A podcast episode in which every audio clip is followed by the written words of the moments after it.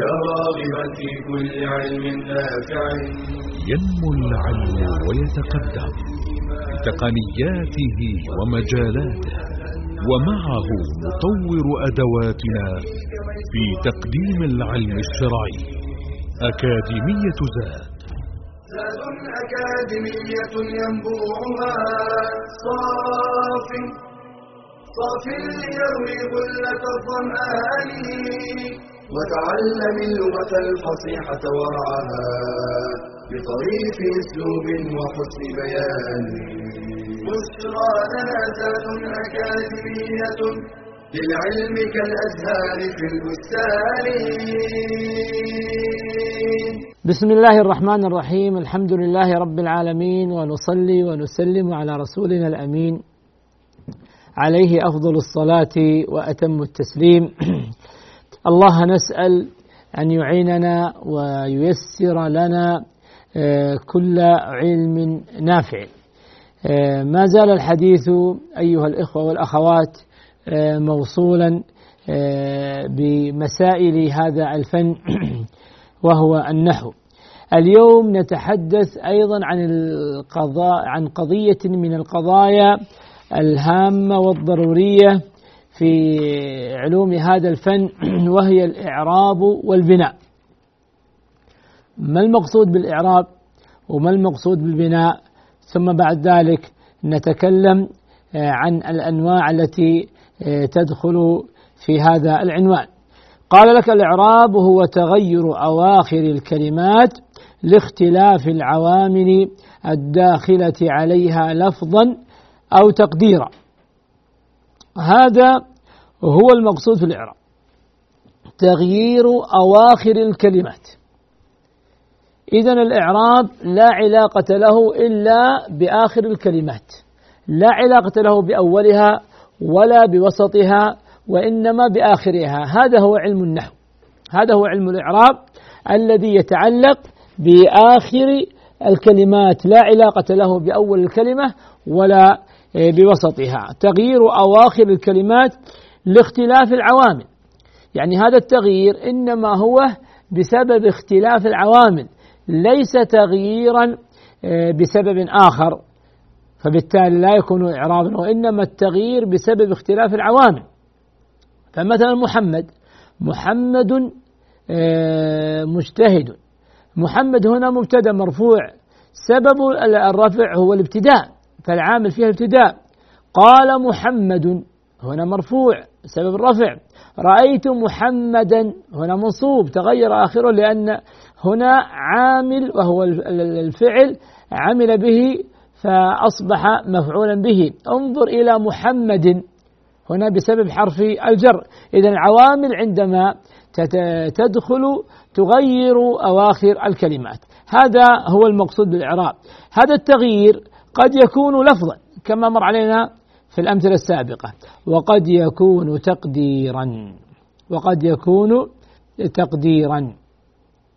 فالإعراب قد يكون إعرابا لفظيا كما مر علينا سابقا في الأمثلة وهو الأصل والأكثر في الإعراب. وقد يكون تقديرا. ونحن ذكرنا لكم أمثلة لهذا التقدير سابقا في الأسماء المقصورة مثلا الإعراب تقديري. جاء موسى. نقول موسى فاعل مرفوع وعلامة رفعه الضم المقدر على آخره. منع من ظهورها ماذا؟ التعذر. فإذا كانت الكلمات مختومة بهذه الألف المقصورة فإن ذلك يمنع من ظهور الحركة. فيكون الإعراب تقديرا تقديرا والمانع من ظهور الحركة هو التعذر. أيضا إذا كانت الكلمات مختومة بياء أو واو لا تظهر الحركة ويكون الإعراب أيضا تقديرا والمانع من ظهور الحركة في هذه الحالة هو الثقل.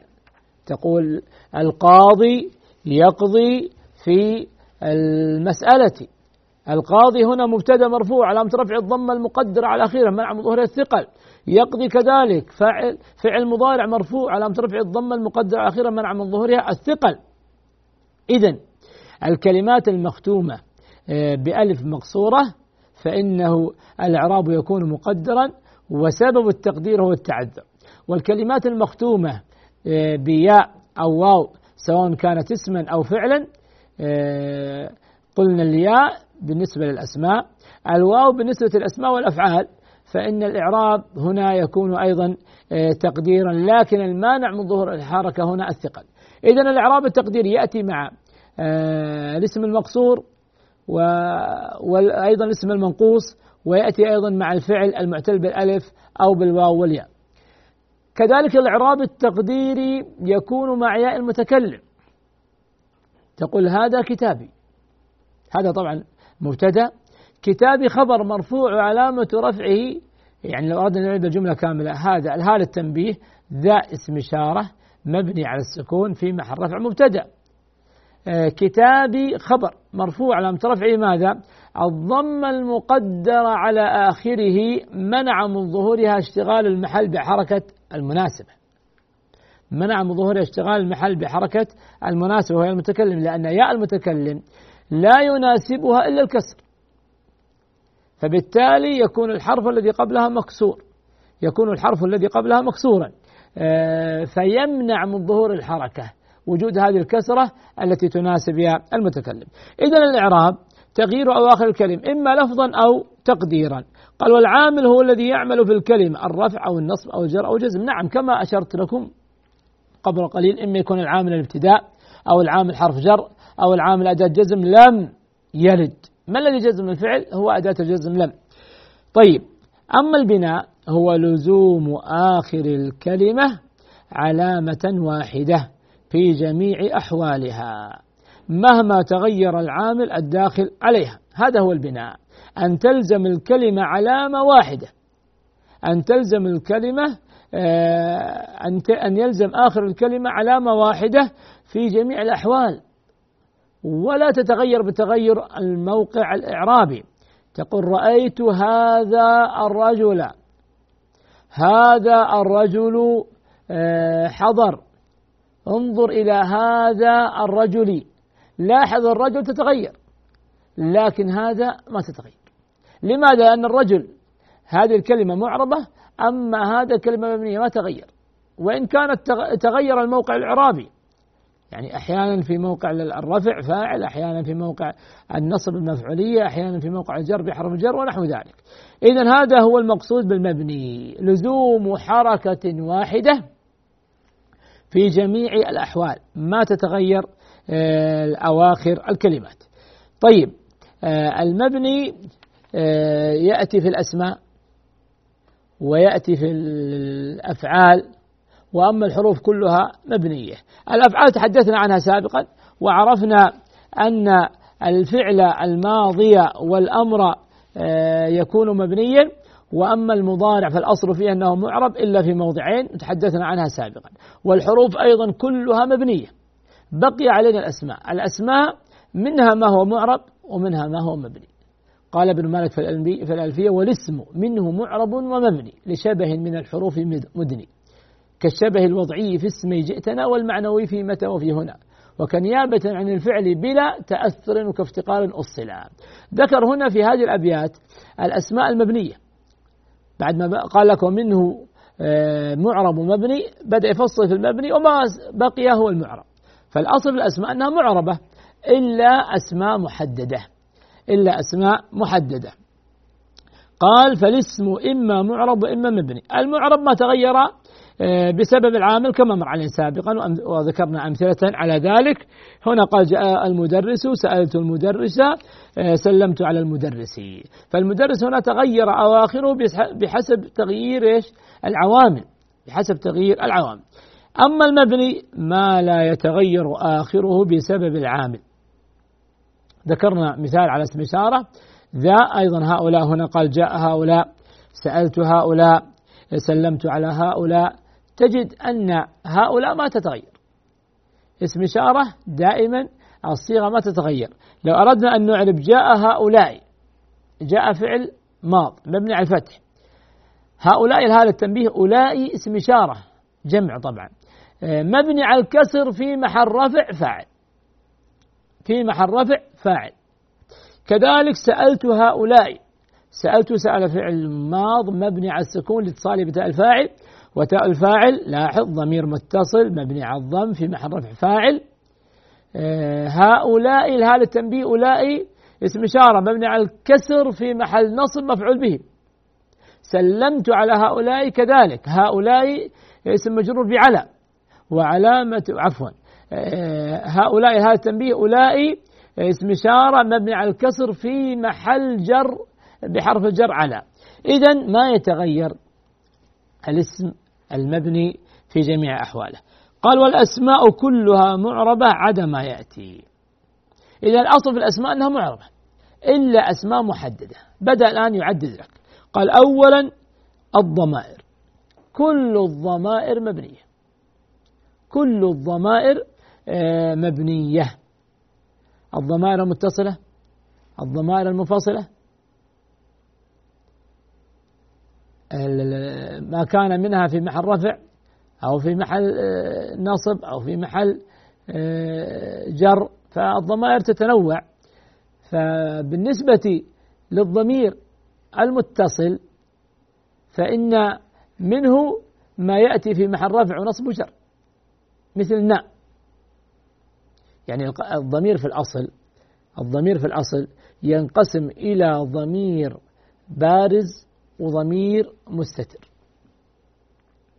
الضمير في الأصل آه، لأن أظن ما يأتي لنا درس في الضمائر بعد ذلك. الضمير في الأصل ينقسم إلى ضمير بارز وضمير مستتر. هذا الأصل.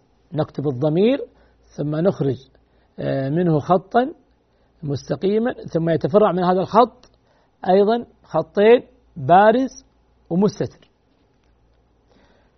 البارز ينقسم إلى قسمين متصل ومنفصل. والمستتر ينقسم إلى قسمين مستتر وجوبا ومستتر جوازا. لاحظ في الأصل عندنا الضمير في الأصل عندنا الضمير الضمير.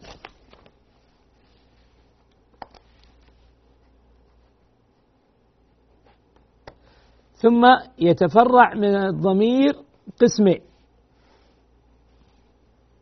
بارز ومستتر. يعني نكتب نكتب هكذا. الضمير الضمير ثم ينقسم إلى قسمين. بارز ومستتر. البارز أيضا نقسمه إلى قسمين. متصل ومنفصل. والمستتر أيضا نقسمه إلى قسمين. مستتر وجوبا ومستتر جوازا. شوف التقسيم كيف؟ أولا ينقسم الضمير إلى بارز ومستتر. البارز ينقسم إلى متصل ومنفصل. المستتر ينقسم إلى وجوبا وجوازا الآن نتحدث عن هذه الضمائر التي هي في الخلاصة آه، أربعة. متصل ومنفصل بالنسبة للبارز ووجوبا وجوازا بالنسبة للمستتر الضمير البارز ينقسم إلى متصل ومنفصل. المتصل منه ما يأتي في محل رفع أو نصب أو جر وهو نا الضمير نا يأتي في محل رفع ويأتي في محل نصب ويأتي في محل جر. تقول مثلا أكرمنا أو دعونا في أمثلتنا. فهمنا النحو. فهمنا النحو. هنا نا ضمير متصل مبني على السكون في محل رفع فاعل. تقول أفهمنا النحو. أفهمنا النحو. أو أفهمنا عفوا. أفهمنا النحو. أفهمنا هنا فعل ماض على الفتح. نا ضمير متصل مبني على السكون في محل نصب مفعول به. يعني الأستاذ أفهمنا النحو الأستاذ.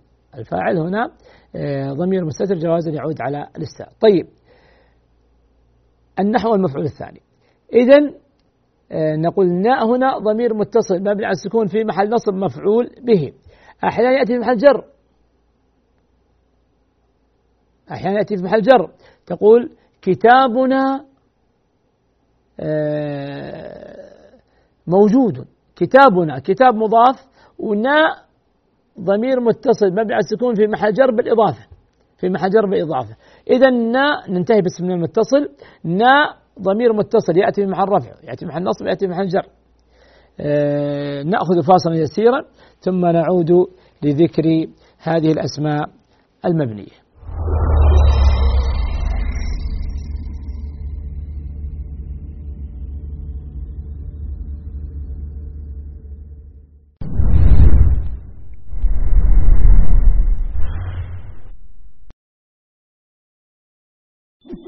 جهل وظلم فرقة وقطيعة شرك وضلال.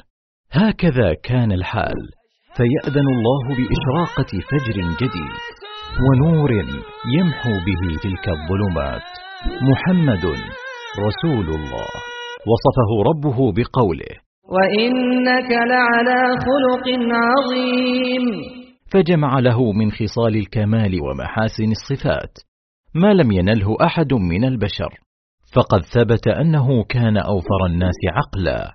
أجودهم نفسا أرحبهم صدرا أشدهم حياء. كان أشجع الناس وأزهدهم في الدنيا وأكثرهم تواضعا. يعين أهله ويخيط ثوبه ويخدم نفسه. يزور المسلمين وغير المسلمين ويعود مرضاهم ويدعوهم إلى الخير. كان صادق اللهجة راسخ المبدأ أعدل الناس أرفقهم بالضعفاء أنصف المرأة والطفل وشملت رحمته حتى الحيوان. أثنى عليه حتى المنصفون من غير المسلمين. فيقول الألماني يوهان غوتا إننا أهل أوروبا بجميع مفاهيمنا. لم نصل بعد إلى ما وصل إليه محمد. ويقول الإنجليزي جورج برناتشو إن العالم أحوج ما يكون إلى رجل في تفكير محمد. بل قال تولستوي الأديب العالمي إن شريعة محمد ستسود العالم لانسجامها مع العقل والحكمة. ولنصرته لنعرف قدره ومكانته. ولننشر في الناس فضائله ومكارمه. ولنقتدي به ونمتثل أمره ولنذب عن شريعته وندفع عنها الشبهات. فلو لم يكن للنبي صلى الله عليه وسلم من الفضل إلا أنه الواسطة في حمل رسالة رب العباد إلى عباده وتعريفهم به لكان فضلا لا يستقل العالم بشكره ولا البشرية بمكافأته. فقد عاش حياته يبلغ الخير لأمته ولم يكتف بهذا. بل سأل ربه أن يشفعه فيهم يوم القيامة. وصدق الله. وما ارسلناك الا رحمه للعالمين.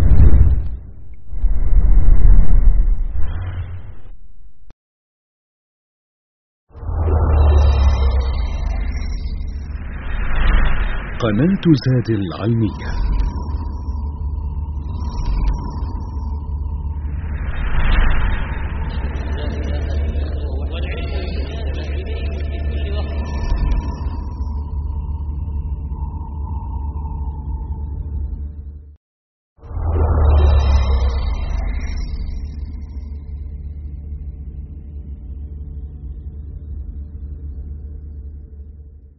الحمد لله والصلاة والسلام على رسول الله. عدنا إليكم أيها الإخوة والأخوات.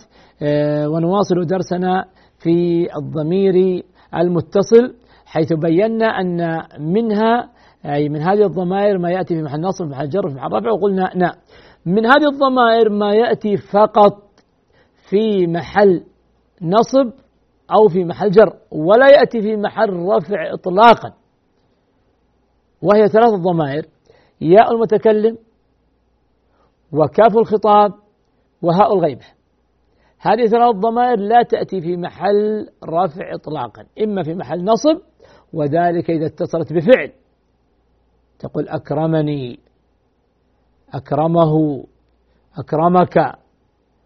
تعرف في محل نصب مفعول به.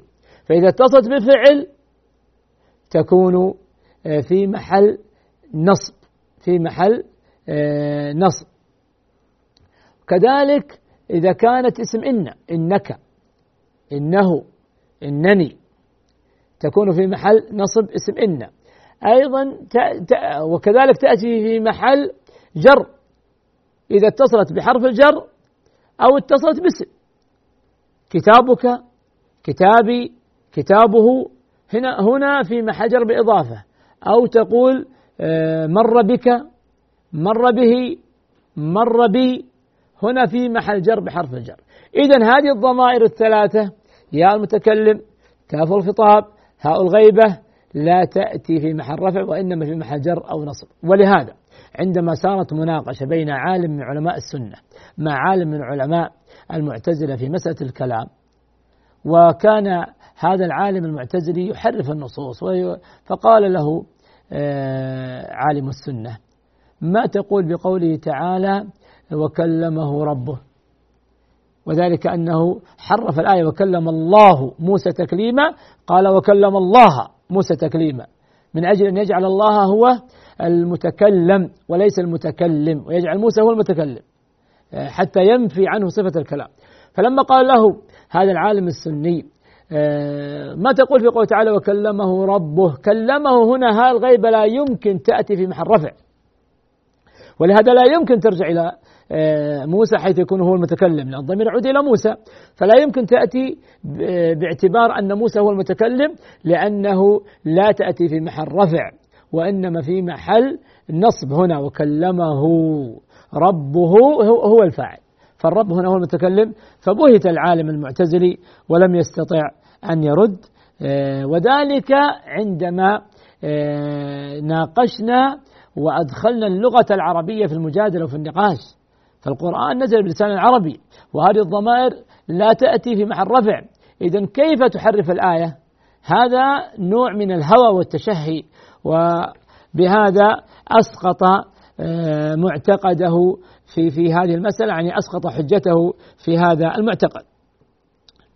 إذا الضمائر آه، كلها مبنية. قلنا المتصل آه، منه ما يأتي في محل رفع نصب جر ومنه ما يأتي محل نصب وجر ولا يأتي محل رفع. في المقابل المنفصل.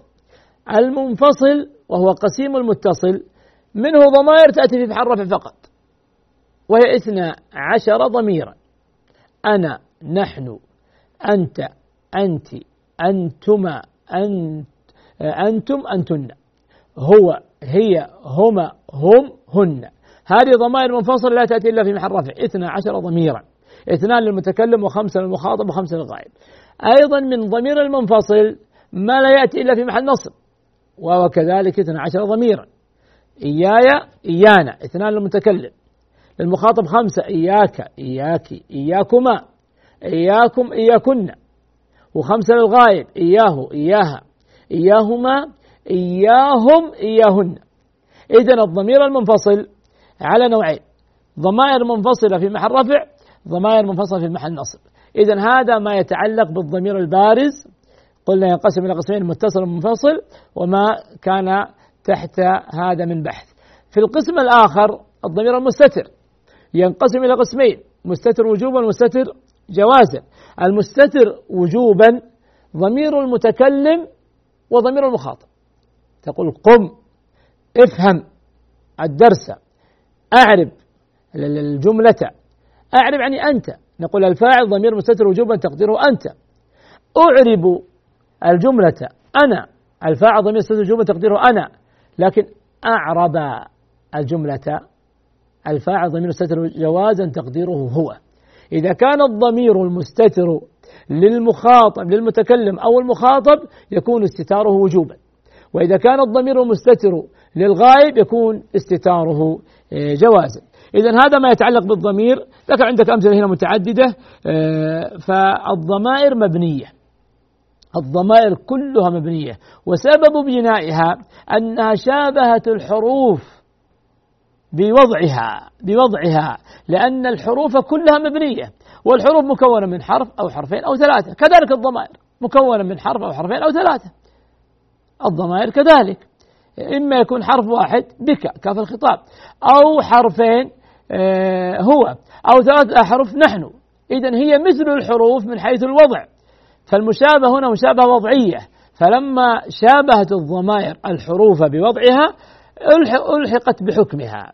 فأصبحت الضمائر مبنية لأن الحروف مبنية. فالشبه هنا شبه الوضعي. ثم قال أسماء الإشارة. أسماء الإشارة. أسماء الإشارة كذلك هي مبنية. هي مبنية كل أسماء الإشارة آه، سواء كانت للمذكر هذا أو للأنثى هذه طبعا هذا التنبيه أو للمثنى مذكر ومؤنث أو للجمع فأسماء الإشارة كذلك مبنية. مبنية دائما وتلزم الحركة الواحدة في جميع أحوال الإعراب. لماذا يعني كانت آه، مبنية؟ لأنها شابهت الحروف كذلك. شابهت الحروف بمعناها. الحروف لها معاني. آه، أين الحرف الذي هو بمعنى الإشارة؟ ما وضعت العرب. حرف المعنى الإشارة قالوا هي شابهت الحروف التي كان المفروض أن العرب تضع لها معنى مثل ما وضعت معاني للشرط ومعاني للاستفهام حروف. يعني الاستفهام تأتي أسماء وتأتي حروف. والشرط كذلك يأتي أسماء ويأتي حروف. حروف الشرط مثل إن وأسماء الاستفهام مثل هل. آه، حروف الاستفهام مثل هل. فوجدنا أن أسماء الشرط وأسماء الاستفهام مبنية لأنها شابهت حروفا بمعناها. طيب أسماء الإشارة؟ شابهت الحروف؟ أين الحروف التي تفيد الإشارة؟ لم تضع العرب حروفا للإشارة قالوا هي شابهت الحروف التي كان المفروض على العرب أن تضع هذا المعنى. لا شك أن هذا نوع من آه، الفلسفة النحوية لكن حتى نعرف أسباب آه، بناء أسماء الإشارة. إذا أسماء الإشارة أيضا مبنية. الاسم الثالث الأسماء الموصولة. كل الأسماء الموصولة مبنية وتلزم حركة واحدة. وبينا لكم سبب بنائها. قلنا شابهت الحروف بافتقارها. ذكرنا ذلك في درس سابق أن الحروف مفتقرة إلى شيء بعدها. ما يستقيم أن تقول حضر إلى. إلى ماذا؟ لا بد أن تأتي بشيء بعد حروف الجر فهي مفتقرة. كذلك الأسماء الموصولة ما يستقيم تقول حضر الذي. الذي ماذا؟ لا بد أن تأتي بشيء بعدها فهي مفتقرة. إذا هي شابهت الحروف من هذا الوجه. أسماء الاستفهام مبنية آه، من وأين ومتى وكيف هذه أسماء استفهام؟ لأنها شابهت الحروف بمعناها. هناك آه، حروف استفهام. هل والهمزة أتقوم وهل تقوم؟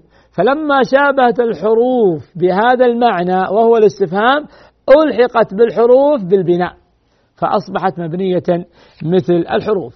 آه، قال بعض الظروف مثل إذا والآن وحيث كذلك الحروف مفتقرة. فلما تكون هذه الظروف آه، مفتقرة لشيء بعدها كانت آه، مبنية. قال أسماء الأفعال. أسماء الأفعال كذلك هي مبنية. وشابهت الحروف باستعمالها لأنها تؤثر ولا تتأثر. لاحظ عندما تقول انظر إلى زيد. من الذي جر زيدا إلى. إذا إلى تؤثر فيما بعدها. لكن هل تتأثر؟ إلى هي إلى. في كل الجمل فالحروف تؤثر ولا تتأثر. كذلك اسماء الأفعال تؤثر ولا تتأثر. فشابهت الحروف باستعمالها فألحقت ببنائها. فأسماء الأفعال كذلك مبنية لمشابهتها الحروف مشابهة استعمال. قال الأعداد المركبة أحد عشر وتسعة عشر والثالثة عشر لكن الجزء الأول من اثنى عشر سيأتينا آه، معرب نحو من اثني عشر. لكن هنا قصد شيئا آخر لكن الجزء الأول من اثني عشر. لأن سيأتينا أن اثنى عشر واثنة عشرة ليست مبنية كبقية إيش؟ الأعداد. قوله تعالى إن عدة الشهور عند الله إثنى عشر شهرا. فنقول آه، إثنى عشر شهرا. هنا تعرب وتلحق آه، بالمثنى آه، مرفوعة بالألف وبعثنا منهم اثني عشر نقيبا لأن هنا مفعول به منصوبة بالياء. هذا الطعام لاثني عشر طالبا مجرورة باللام وعلى مجرها آه، الكسرة. إذا يتلخص عندنا أن آه، الأسماء الأسماء تنقسم إلى قسمين. قسم آه، معرب وقسم مبني وأن الأصل فيها آه، الإعراب كل الأسماء معربة إلا آه، أعدادا آه، محددة من هذه الأسماء فإنها تكون مبنية فإنها تكون مبنية. هذه الأعداد سبب بنائها أنها شابهت الحروف. سبب أنها شابهت الحروف. فالمعرب إذا ما تغير آخره بسبب اختلاف العوامل الداخلة عليه لفظا أو تقديرا. إذا ضبطنا هذا المعرب وضبطنا الكلمات المبنية نحن تجاوزنا مرحلة تعتبر متقدمة جدا في هذا الفن. تعتبر هذه المرحلة متقدمة جدا في هذا الفن. ولهذا ركز معي واستوعب الموضوع. المعرب ما تغير آخره بسبب اختلاف العوامل. هذه الكلمات معربة. قد يكون هذا الإعراب لفظا يعني ظاهر أمامي وقد يكون هذا الإعراب تقديرا. الإعراب التقديري يكون على ثلاثة أنواع آه، وثلاثة وثلاثة أنواع من الأسماء. أو من الكلمات. ركز معي. الكلمات المختومة بألف مقصورة سواء كانت فعلا أو كانت اسما. الكلمات المختومة بألف مقصورة بالنسبة للأسماء يطلق عليها اسم المقصور وبالنسبة للأفعال يطلق عليها فعل معتل بالألف. تقول يسعى موسى في المسعى. هنا الإعراب مقدر والمانع التعذر. انتبه. هذا أول ضابط.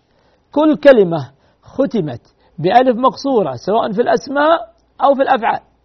فاعلم أن الإعراب مقدر والمانع من ظهور الحركة آه، وهو التعذر. عندما نقول يسعى موسى في المسعى نقول يسعى فعل مضارع مرفوع وعلامة رفعه الضمة المقدر على آخره منع من ظهور التعذر. موسى فاعل مرفوع علامة رفعه الضمة المقدرة على آخره منع من ظهورها التعذر. في حرف جر المسعى اسم مجرور بفي وعلامة جره الكسرة المقدرة على آخره منع من ظهورها التعذر. إذا الضابط سهل. الكلمات هذه التي ختمت بألف مقصورة العراب فيها مقدر والمانع هو التعذر. النوع الثاني الكلمات المختومة بياء أو واو. بالنسبة للأسماء ما يرد علينا الواو لأن ما توجد في اللغة العربية أسماء مختومة بالواو وإنما مختومة بالياء. نقول في فيها الإعراب مقدر والمانع من ظهور الحركة الثقل. والمانع من ظهور الحركة الثقل. فمثلا يقضي القاضي آه، على المقضي. عندما تريد أن تعرب يقضي فعل مضارع مرفوع علامة رفع الضمة المقدرة أخيرا منع من ظهورها ماذا؟ الثقل. ما نقول التعذر الثقل. القاضي فاعل مرفوع عن ترفع الضمة المقدرة على آخره منع من ظهورها الثقل. على حرف جر المقضي اسم مجرور بعلى وعلامة جره الكسرة المقدرة على آخره منع من ظهورها الثقل. إذا هذان نوعان من الإسماء والأفعال يكون الإعراب فيه مقدرا. بقي نوع ثالث نأخذه إن شاء الله آه، بعد الفاصل. جزاكم الله خيرا.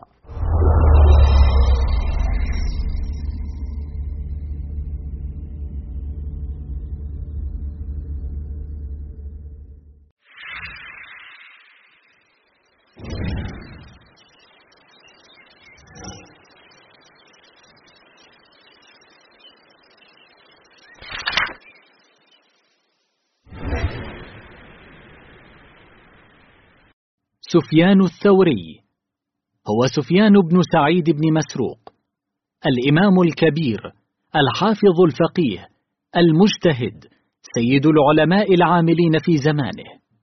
قال أيوب السختياني ما قدم علينا من الكوفة أحد أفضل من سفيان الثوري وقال ابن المبارك كتبت عن ألف ومائة شيخ ما كتبت عن أفضل من سفيان توفي رحمه الله سنة إحدى وستين ومائة من الهجرة.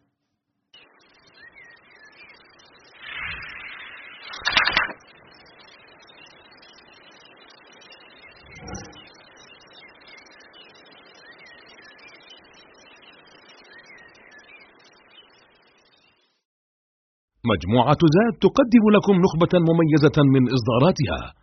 كتاب كيف عاملهم صلى الله عليه وسلم للشيخ محمد صالح المنجد. أربعون نصيحة لإصلاح البيوت. أدرك أهلك قبل أن يحترقوا. المجمعات التجارية آداب وأحكام. زاد الحج. زاد الصائم. طوبى للشام. كيف تقرأ كتابا؟ معاني الأذكار. اترك أثرا قبل الرحيل. وكتاب بدعة إعادة فهم النص. لمزيد من المعلومات يرجى زيارة المواقع التالية.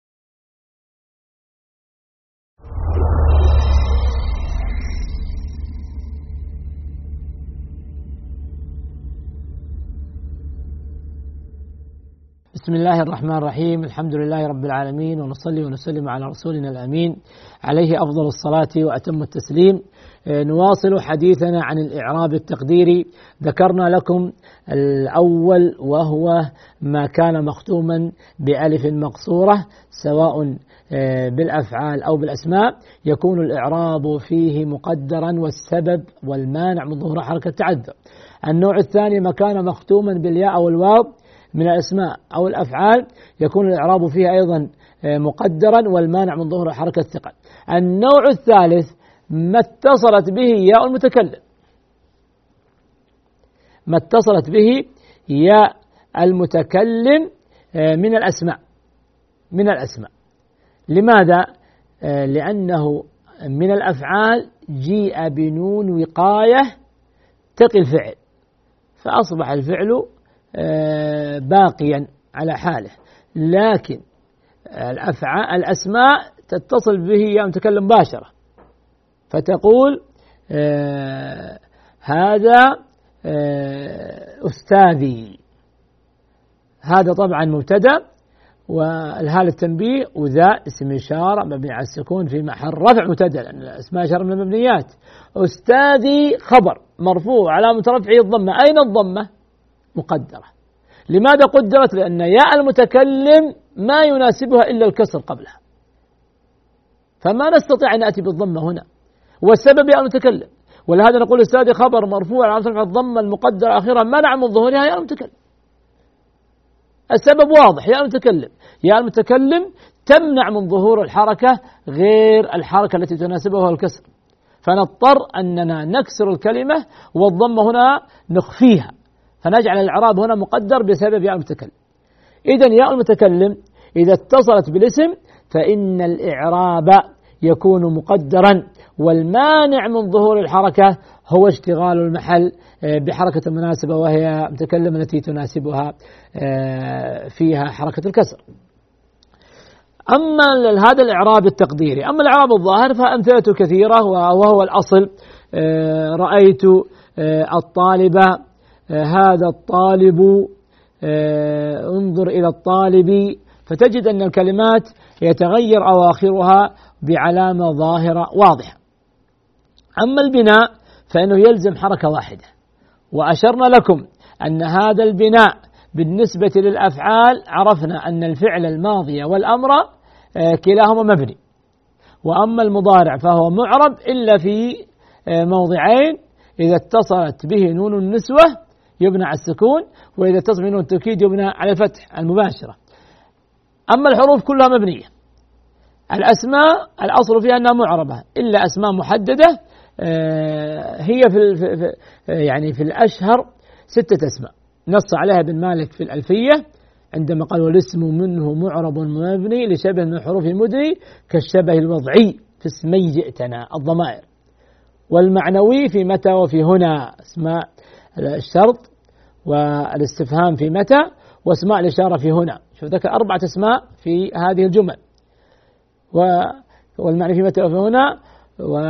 ثم قال والاسم منه معرب مبني لشبه من الحروف مدني كالشبه الوضعي في اسمي جئتنا والمعنوي في متى وفي هنا.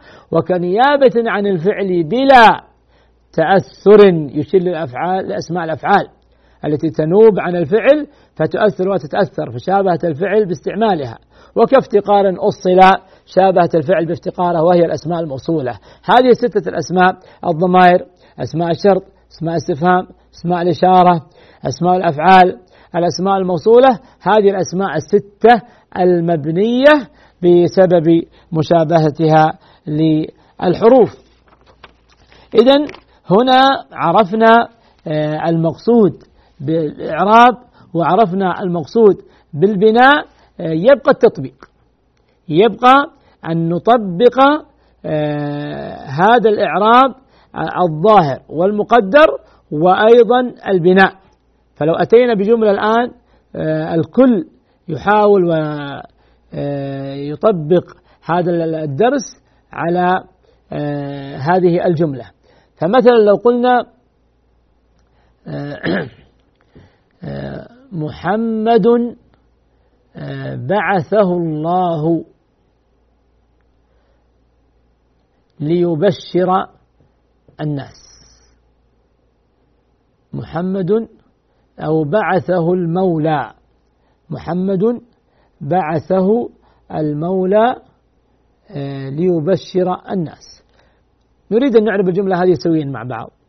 محمد مبتدأ مرفوع.